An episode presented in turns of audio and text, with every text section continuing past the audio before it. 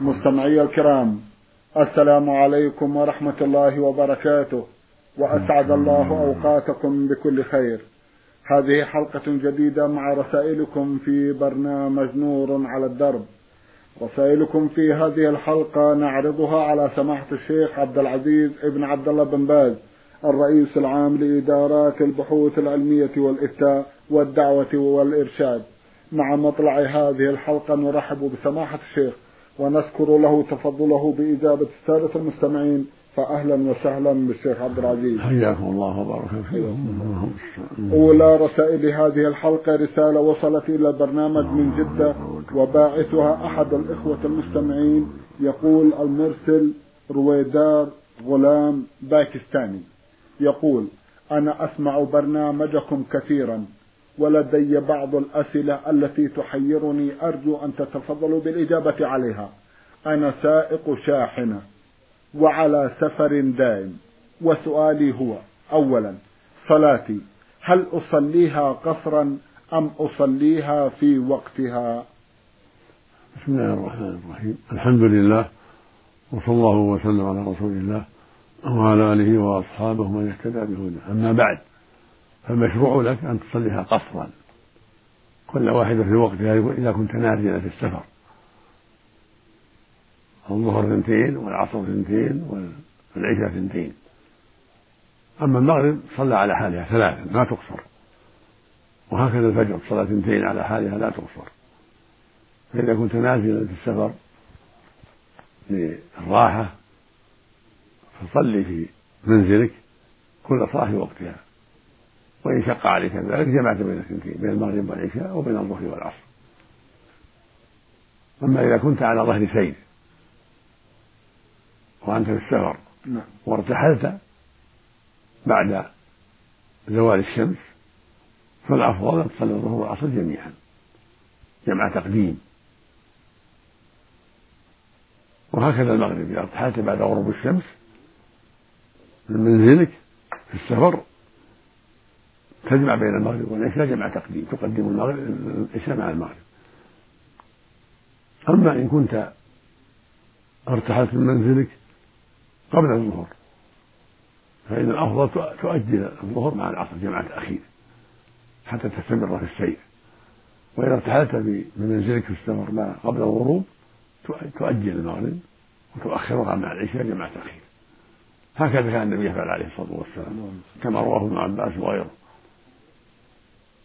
أما إذا كنت نازلا نزلت الضحى ولم تكن مرتحل إلا في الليل نزلت الضحى في مكان نعم. فالأفضل تصلي الظهر في وقتها والعصر في وقتها. وهكذا إذا كنت مقيم في الليل تصلي المغرب في وقتها والعشاء في وقتها. وإن جمعت بينهما فلا حرج. جمعت بين الظهر والعصر وأنت نازل بين المغرب والعشاء وأنت نازل في وقت إحداهما فلا بأس. قد جمع النبي صلى الله عليه وسلم وهو نازل في تبوك عليه الصلاة والسلام. وفي منى في حجة الوداع لم يجمع في أيام منى. صلى كل صلاة في وقتها وهو نازل في منى عليه الصلاة والسلام. أما إذا كنت في بلدك إلا أنت مقيم فيها فلا تصلي قصرا ولا تجمع. صل مع الناس أربعة. إذا كنت في البلد التي أنت اتخذتها مقاما لك.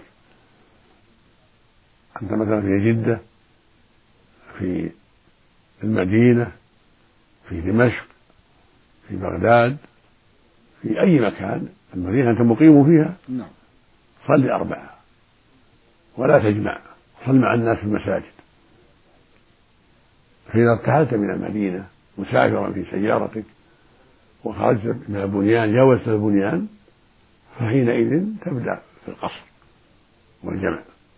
بعدما جاوزت البنيان من محل إقامتك. خرجت من المدينة وجاوزت بناء المدينة تقصر وتجمع إذا شئت. خرجت من الرياض وجاوزت بناء الرياض تقصر وتجمع إذا شئت. خرجت من من القاهرة من دمشق جاوزت البنيان تقصر وتجمع. وهكذا من بغداد هكذا من لاهور هكذا من أي أي بلاد. إذا فارق بنيانها وصلت إلى البرية إلى الصحراء تأخذ تعمل رخص السفر من القصر والجمع والفطر في رمضان ومسح ثلاثة أيام بلياليها على خفين. أحلى أحكام السفر. أما ما دمت في البلد التي أنت مقيم فيها أو هي بلدك وطنك فهذه لا تجمع فيها ولا تقصر.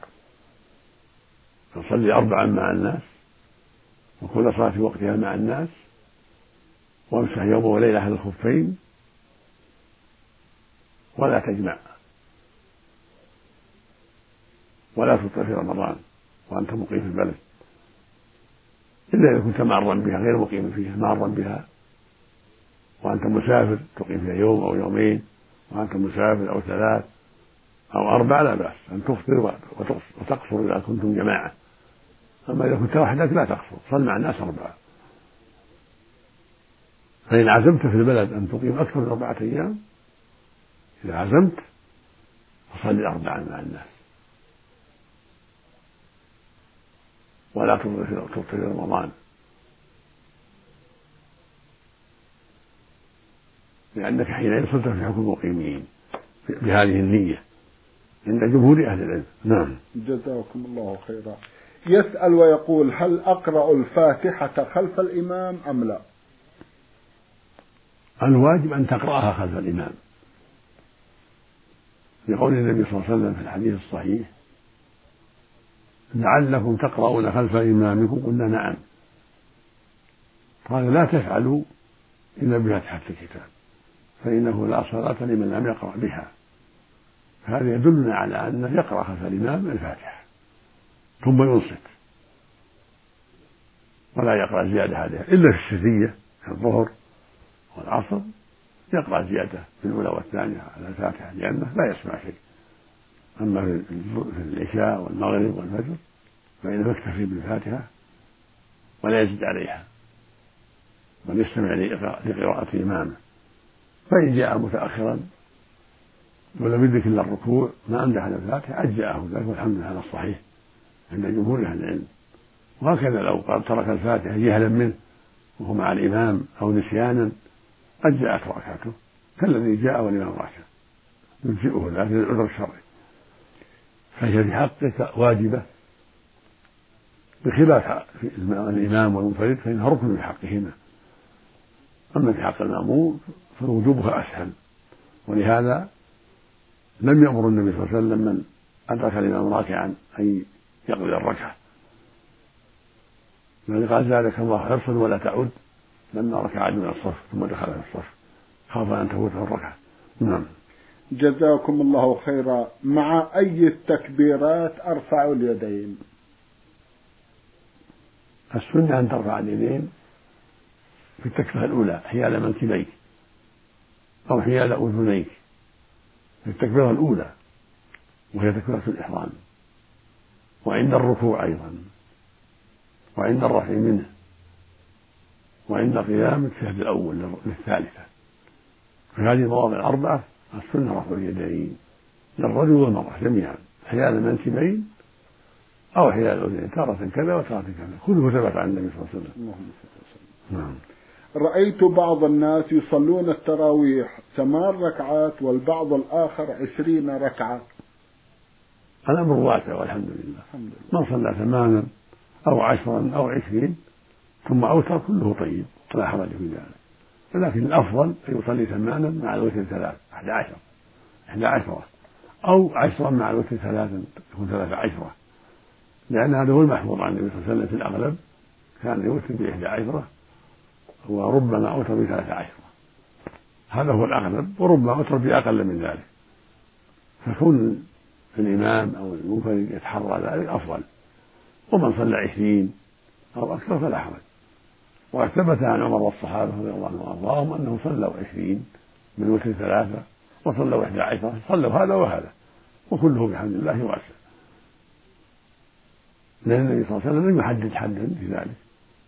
بل قال صلاة الليل مثنى مثنى. فإذا خشي أحدكم الصبح صلى ركعة واحدة توتر له ما قد صلى. فلم يحدد. فظاهره أنه إذا صلى عشرين أو ثلاثين أو أربعين فلا حرج ثم يوتر بواحدة والحمد لله. جزاكم الله نعم. حدثوني عن وضع اليدين أثناء القيام أين أضعهما؟ السنة وضعهما على الصدر لأنه ثبت عن النبي صلى الله عليه وسلم من حديث وائل ومن حديث قبيصة بن هلب الطائي عن أبيه أنه كان يضعهما على صدره عليه الصلاة والسلام. وثبت مرسلا من طريق طاووس بن كيسان تابعي الجليل عن النبي صلى الله عليه وسلم وهو يؤيد المرفوع. وبعض أهل العلم يرى وضعها على السرة وبعض أهل يرى تحت تحت وضعهما تحت السرة. والحديث في هذا ضعيف تحت السرة. والافضل والأفضل على فوق هذا هو الأفضل لأن الأحاديث فيها اصح الأحاديث في ذلك أصح. والأمر في هذا واجب كله سنة لو سدلهما صحت صلاته. لو أرسلهما كما قال بعض أهل العلم صحت صلاته. ولكن السنة أن يضمهما إلى صدره ولا يرسلهما هذا هو السنة. ولا ينبغي في هذا النزاع والخلاف والجدل والفرقة بل ينبغي في هذا التسامح والتيسير لأن الاجتماع والتعاون على الخير أمر مطلوب والذي جعلها تحت السرة تأول قول بعض أهل العلم وبعض الأحاديث الضعيفة. فلا ينبغي التشنيع والتكليف في هذا المقام ينبغي الرفق والحكمة في هذا والنصيحة بدون فرقة ولا اختلاف ولا تشنيع. ولكن الأفضل للمؤمن أن يتحرى ما هو الأثبت وما هو الأقرب إلى الصواب. في مسائل الخلاف نعم. جزاكم الله خيرا. من إحدى الأخوات المستمعات من أبها رمزت إلى اسمها بالحرف فاء تسأل عن حكم الزمام بالنسبة للمرأة. هل يجوز لها لبسه أو لا؟ لا نعلم في ذلك شيء الحمد لله. نعم الحمد لله. جزاكم الله خيرا. نعم. من إحدى الأخوات المستمعات رسالة سمت نفسها أمة الله أم عبد الرحمن من المنطقة الشرقية. تسأل عن كيفية قضاء الوتر في النهار إذا نام عنه صاحبه لأنه بلغنا أن بعض العلماء يقول بقضاء الوتر. جزاكم الله خيرا. السنة يقضى الوتر. كان النبي صلى الله عليه وسلم إذا شغله مرض أو نوم عن وتره من الليل صلى من النهار.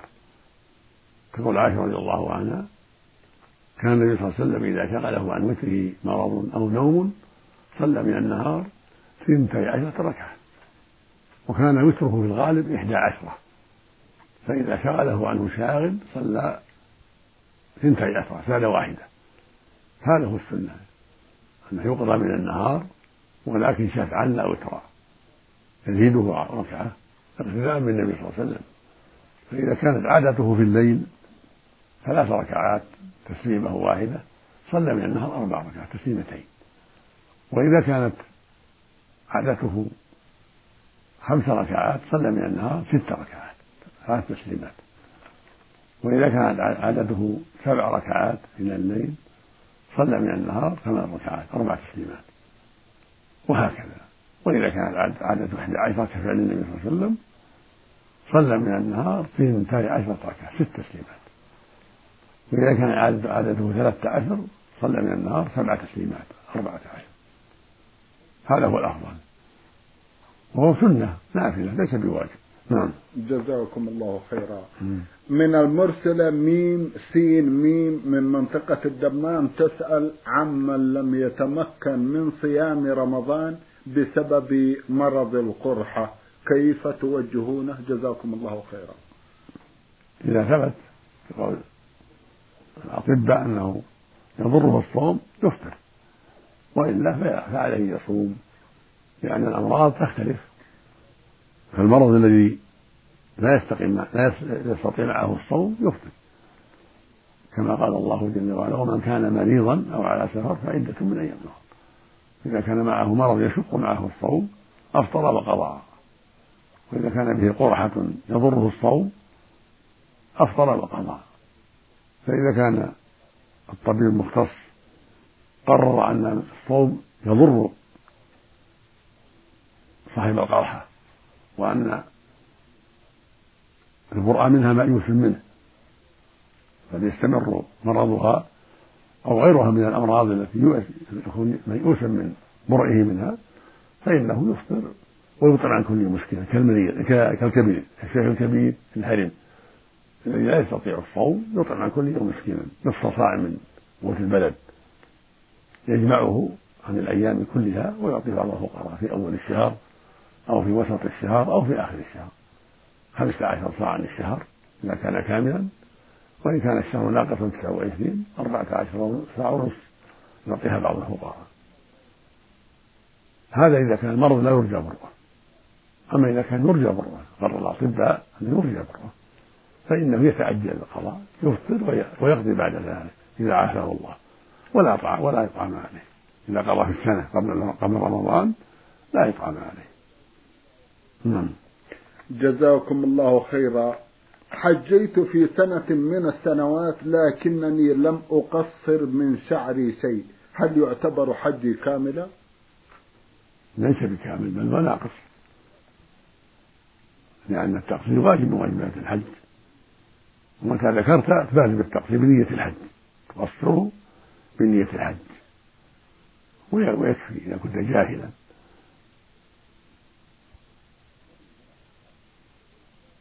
وإن ذبحت شاة عن ترك الواجب وهو التقصير أجزأت لقول ابن عباس رضي الله عنهما من ترك نسكا أو نسية فليهرق دمه. لكن إذا قصرت في بلدك ولو بعد مدة طويلة بنية الحج الذي أو العمرة التي تركنا تقصيرها أجزأ ذلك. بنية الحج السابق أو العمرة السابقة. لما تنبهت أو علمك العلماء وقصرت بنية الحج السابق أو العمرة السابقة أجزأك ذلك والحمد لله. وما فعلت من اللبس و والجماع إن كان عندك زوجة أو كانت امرأة لها زوج لا شيء عليك فيه للجهل. أو النسيان إن كنت فعلته نسيانا. نعم. جزاكم الله خيرا. المستمع سعد الشريف بعث يسأل ويقول سمعت من إمام مسجد قريتنا أن من لم يصلي الوتر لا تقبل له شهادة. هل هذا صحيح؟ ليس بصحيح. لأن الوتر ليس بواجب. سنة. يروى عن أحمد رحمه الله أنه أنه قال في هذا المعنى أنه رجل رسول لا تقبل الشهادة لكن في هذه الرواية نظر.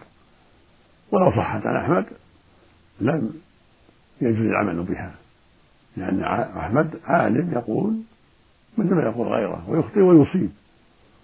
ليس رسولا نعم. بل هو عالم من العلماء. وإذا قال هو أو غيره من العلماء أن فلان لا تقبل شهادته ينظر فإن كان قوله صوابا أخذ به وإلا فلا. والوتر ليس بواجب. إذا كان الرجل معروفا بالاستقامة وليس من الفساق ولكنه لا يوتر فلا يكون فاسقا بذلك. لأن الوتر ليس بواجب هو سنة على الصحيح. فالشهادة مقبولة إذا كان معروفا بالعدالة والصدق فشهادته مقبولة ولو كان يعرف بترك الوتر. نعم. جزاكم الله خيرا. إذا مرض بعض أقاربي من النساء وكان هناك تنويم في المستشفى لكن لسنا من المحارم هل لي زيارتهن في المستشفى؟ أعد يقول إذا مرض بعض أقاربي من النساء وكان هناك تنويم في المستشفى هل لي زيارتهن أو لا؟ نعم. سن لك العيادة لهن وإن كنا لسنا محارم. تزورها بنت عمك أو زوجة أخيك أو زوجة عمك أو غيرهن من أقاربك أو جيرانك تزورهن وتدعو لهن بالعافية والشفاء من غير خلوة يكون معك من يشاركك أو الممرضة التي عندها. فالحاصل من دون خلوة تدعو لها بالشفاء وتكون متحجبة مستورة. والحمد لله. هذا من مكارم الأخلاق ومن محاسن الأعمال. أن تزور زوجة أخيك أو زوجة عمك أو جارتك تدعو لها بالشفاء حتى تعلم هي وغيرها أن جيرانها وأقاربها يتأثرون بمرضها والرسول صلى الله عليه وسلم رغب في إعادة المرضى وإن كانوا ليس محارم. أمر بسبع منها إيادة المريض. وقال عودوا المريض عام وأطعموا الجائع وفكوا العاني وقال من عاد مريضا صباحا صلى عليه سبعون ألف ملك حتى يمسي. ومن عاد مريضا مساء صلى عليه سبعون ألف ملك حتى يصبح. فالعيادة للمرضى من أهم القربات ومن أفضلها. وهي تعب الرجال والنساء والأقارب وغير الأقارب. لكن إذا كانت المرأة ليست محرما يكون معك من يشارك في ذلك حتى لا تخلو بها. وعليها أن تستر إذا كانت تستطيع التستر أو يسترها غيرها من حولها من الممرضات أو القريبات يسترنها عند مجيء غير المحارم بالسلام عليها والدعاء لها. نعم. جزاكم الله خيرا. تسأل إحدى الأخوات المستمعات من المنطقة الشرقية وتقول بالنسبة لسجود التلاوة للمرأة هل يشترط له ما يشترط للصلاة من حجاب وغيره؟ الصواب لا يشترط. في التلاوة خضوع لله مثل التسبيح والتهليل. لا يشترط في سجود الصلاة. هذا هو الصحيح. فلها أن تسجد وللرجل أن يسجد وهو على غير وضوء ولها أن تسجد مكشوفة الرأس. لأنه خضوع لله مثل ما تقرأ القرآن تسبح وتهلل وهي مكشوفة الرأس. لا حرج عليها في ذلك. هذا هو الصواب. وثبت عن ابن عمر رضي الله عنهما أنه كان يسجد وهو على غير طهارة. وهكذا جاء عن الشعبي التابعي الجليل والنبي صلى الله عليه وسلم كان يقرأ القرآن في المجلس وعنده الصحابة فيسجد ويسجدون معه. ولم يقل لهم يوما ما من كان منكم على غير طهارة فلا يسجد معنا. ومعلوم أن المجالس تجمع الطاهر وغير الطاهر من على وضوء ومن على ليس على وضوء. فلو كانت السجدة تحتاج إلى طهارة يعني سجد التلاوة فكان ذلك من أهم المهمات أن يبينه للصحابة. هو صلى الله عليه وسلم لا يترك البلاغ بل يبين يبلغ عليه الصلاة والسلام. فلو كان التطهر لسنة التلاوة شرطا لبينه النبي للصحابة حين يقرأ بهم القرآن ويسجد ويسجد معه في المكان العظيم الكثير. قال ابن عمر اسجد معه حتى لا يجد أحد من المكان اللي جبهته من كثرة الزحام. فلو كانت الطهارة شرطا لقال لهم ذلك. يا أيها الإخوان أو أيها الناس من كان على غير وضوء فلا يسجد معنا. فالمقصود أن الصواب في هذا أن سجد التلاوة وهكذا سجود الشكر لا يشترط لهما الطهارة ولا السترة لأنهما ليس ليستا صلاة وإنما هما خضوع لله وتعبد له وذكر له بما يحبه سبحانه. كما تقول سبحان الله والحمد لله ولا إله إلا الله والله أكبر وتقول لا إله إلا الله لا شريك له. تقرأ القرآن عن ظهر قلب وأنت على غير طهاره هكذا سجود التلاوة وسجود الشكر مثل هذا. لكن إذا تيسرت الطهارة إذا تيسر أن تقرأ وأنت على طهارة هذا أفضل. إذا تيسر ذلك نعم. جزاكم الله خيرا. هل لسجود التلاوة من تسليم أو لا؟ سجود التلاوة كسجود الصلاة يقرأ يدعو فيه. نعم. مثل ما يدعو في سجود الصلاة. يقول سبحان ربي الأعلى سبحان ربي الأعلى. اللهم لك سجدت وبك آمنت ولك أسلمت. سجد وجه الذي خلقه وصوره. وشق سماه وصفه بحوله وقوته تبارك الله أحسن الخالقين. يقال هذا في سجود التلاوة وسجود الصلاة. سبحان ربي الأعلى سبحان ربي الأعلى. اللهم لك سجدت وبك آمنت ولك أسلمت. سجد وجه الذي خلقه وصوره وشق سمعه وبصره بحوله وقوته تبارك الله أحسن الخالقين. وجاء في بعض الروايات أنه صلى الله عليه وسلم قال اللهم اكتب لي عندك أجرا وامحى عني بها وزرا واجعلها عندك الأخرى وتقبلها مني. كما تقبلتها من أبي داود عليه السلام. هذا إذا قال حسن. ويروى أن رجلا سمعه من شجرة لما سجد سجدت الشجرة معه وسمعها تقول هذا هذا الدعاء اللهم اكتب لي فأخبر به النبي صلى الله عليه وسلم فسمعه النبي يقول في سجوده عليه الصلاة والسلام اللهم اكتب لي عندك ذرا وامحى عني بها ذرا واجعلها لي عندك الأخرى وتقبلها مني كما تقبلتها من عبده داود عليه السلام. كل هذا لا بأس به. نعم. ولكن ليس, ليس فيها خيرا. ليس فيها تكبير ولا تسليم. ليس فيها تكبير ولا تسليم. إلا في الأولى. أول ما يسجد يقول الله أكبر. نعم. إذا كان في هذه الصلاة. الله أكبر ثم يسجد. ثم يرفع بدون تكبير وبدون تسليم. هذا هو الأفضل. أما في الصلاة فإنه يكبر عند السجود وعند الرفع إذا كان في الصلاة. نعم. يكبر عند الخفض والرفع لأن النبي صلى الله عليه وسلم كان إذا سجد في الصلاة كبر عند خفضه ورفعه وهذا يعم سجود التلاوة سجود التلاوة وسجود الصلاة جميعا. لكن إذا سجد في خارج الصلاة كبر عند السجود. وعند الرفع ليس هناك تكبير وليس هناك تسليم. نعم. جزاكم الله خيرا. سماحة الشيخ في ختام هذا اللقاء أتوجه لكم بالشكر الجزيل. بعد شكر الله سبحانه وتعالى. على تفضلكم بإجابة السادة المستمعين وآمل أن يتجدد اللقاء وأنتم على خير. نسأل الله ذلك مستمعي الكرام كان لقاؤنا في هذه الحلقة مع سماحة الشيخ عبد العزيز ابن عبد الله بن باز الرئيس العام لإدارات البحوث العلمية والإفتاء والدعوة والإرشاد. شكرا لسماحته. وأنتم يا مستمعي الكرام شكرا لحسن متابعتكم وإلى الملتقى وسلام الله عليكم ورحمته وبركاته.